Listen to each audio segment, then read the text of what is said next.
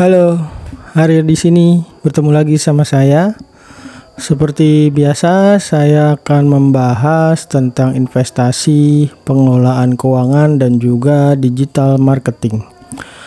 Tujuannya tentu saja untuk bisa bebas finansial. Kali ini saya akan membahas tips kaya raya untuk PNS dan pegawai bergaji UMR. Banyak sekali orang yang pesimis kalau PNS atau pegawai yang bergaji UMR nggak akan bisa jadi kaya raya. Kecuali kalau korupsi. Padahal itu nggak benar. PNS atau pegawai yang bergaji UMR itu masih sangat mungkin untuk jadi kaya raya. Karena kaya raya itu bukan masalah jumlah uang atau aset yang dimiliki, tapi orang yang kaya adalah orang yang sudah bebas finansial. Bebas finansial itu merupakan kondisi ketika seseorang sudah tidak mengkhawatirkan kondisi finansialnya lagi. Sederhananya, orang yang bebas finansial akan tetap mendapatkan penghasilan meskipun dia nggak kerja lagi dan jumlah penghasilannya minimal sama dengan jumlah pengeluarannya. Mengenai hal ini, kamu bisa baca di artikel saya, judulnya "Bebas Finansial, Siapa Bilang Enak", atau tonton video saya di channel ini juga. Sebenarnya, kunci untuk jadi kaya raya ada ada pada seberapa banyak yang bisa kamu hemat dan seberapa besar yang bisa kamu hasilkan. Sehingga petua lama yang mengatakan hemat pangkal kaya bisa dikatakan benar meskipun masih kurang seharusnya itu petua itu direvisi. Karena kalau hemat aja nggak akan bikin kamu jadi kaya. Terus gimana cara jadi kaya raya? Berikut tips untuk jadi kaya raya untuk PNS dan pegawai bergaji UMR satu bikin laporan keuangan pribadi. Kita nggak bisa ngubah apa yang kita yang nggak kita lihat Kurang lebih itulah maksud dari pencatatan laporan keuangan pribadi. Karena untuk bisa memperbaiki kondisi keuangan kamu, tentu kamu perlu tahu dulu kondisi keuangan kamu yang sebenarnya. Memang awalnya sih biasanya kamu akan males melakukan pencatatan laporan keuangan, tapi ya harus kamu paksain juga supaya kamu tahu pengeluaran mana yang bisa kamu hemat.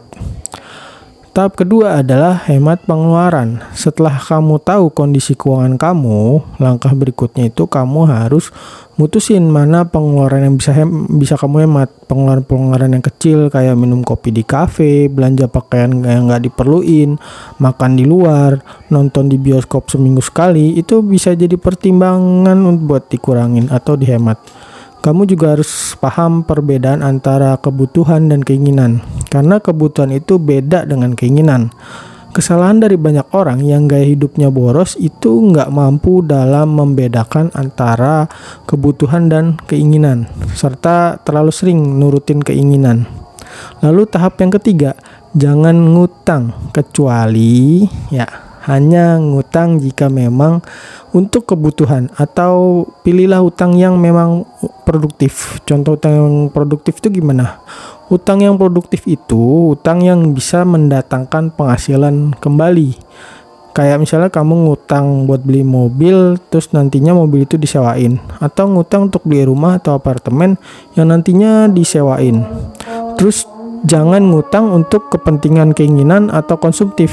Misalnya, buat nyicil ponsel yang mahal, padahal kamu masih ada ponsel yang bisa dipakai dan berfungsi dengan baik. Tahap keempat itu cari sumber pendapatan lain. Uh, sumber pendapatan itu nggak cuma berasal dari gaji kamu aja, kamu bisa nyari dari sumber lain. Misalnya kamu bisa jadi freelancer online, jual kursus, atau jual buku, jualan online, dan sebagainya. Tahap kelima, kamu bisa belajar investasi. Nah, kamu itu nggak bisa gitu aja investasi, nggak tahu kamu apa dan tanpa belajar dulu. Karena resiko ruginya itu sangat besar dan kamu bisa ketipu nantinya. Dan kamu belajar investasi itu akan memperbesar peluang kamu untuk mendapatkan keuntungan dan mengembangkan uang kamu serta ngurangin resiko investasi.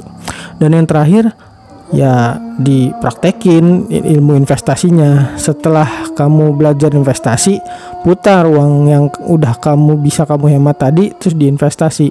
Buatlah uang yang kamu hemat berkembang biak. Meminjam istilah dari Robert Kiyosaki, buatlah uang bekerja untuk kamu. Itulah tadi tips untuk jadi kaya raya untuk PNS dan pegawai bergaji UMR. Ingat, kaya raya itu bukan hanya hak sekelompok orang, Uh, tapi semua orang bisa jadi kaya raya. Dan jangan lupa hemat saja nggak bisa bikin kamu kaya raya. Tapi kamu juga harus meningkatkan penghasilan kamu. Bisa dengan investasi maupun dengan cara mencari sumber pendapatan lain.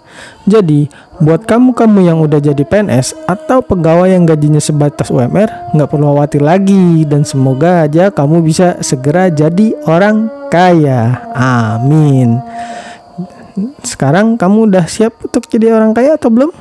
Oke, sampai di sini pembahasan tentang tips kaya raya buat PNS dan pegawai bergaji UMR. Sampai jumpa di konten berikutnya. Dah.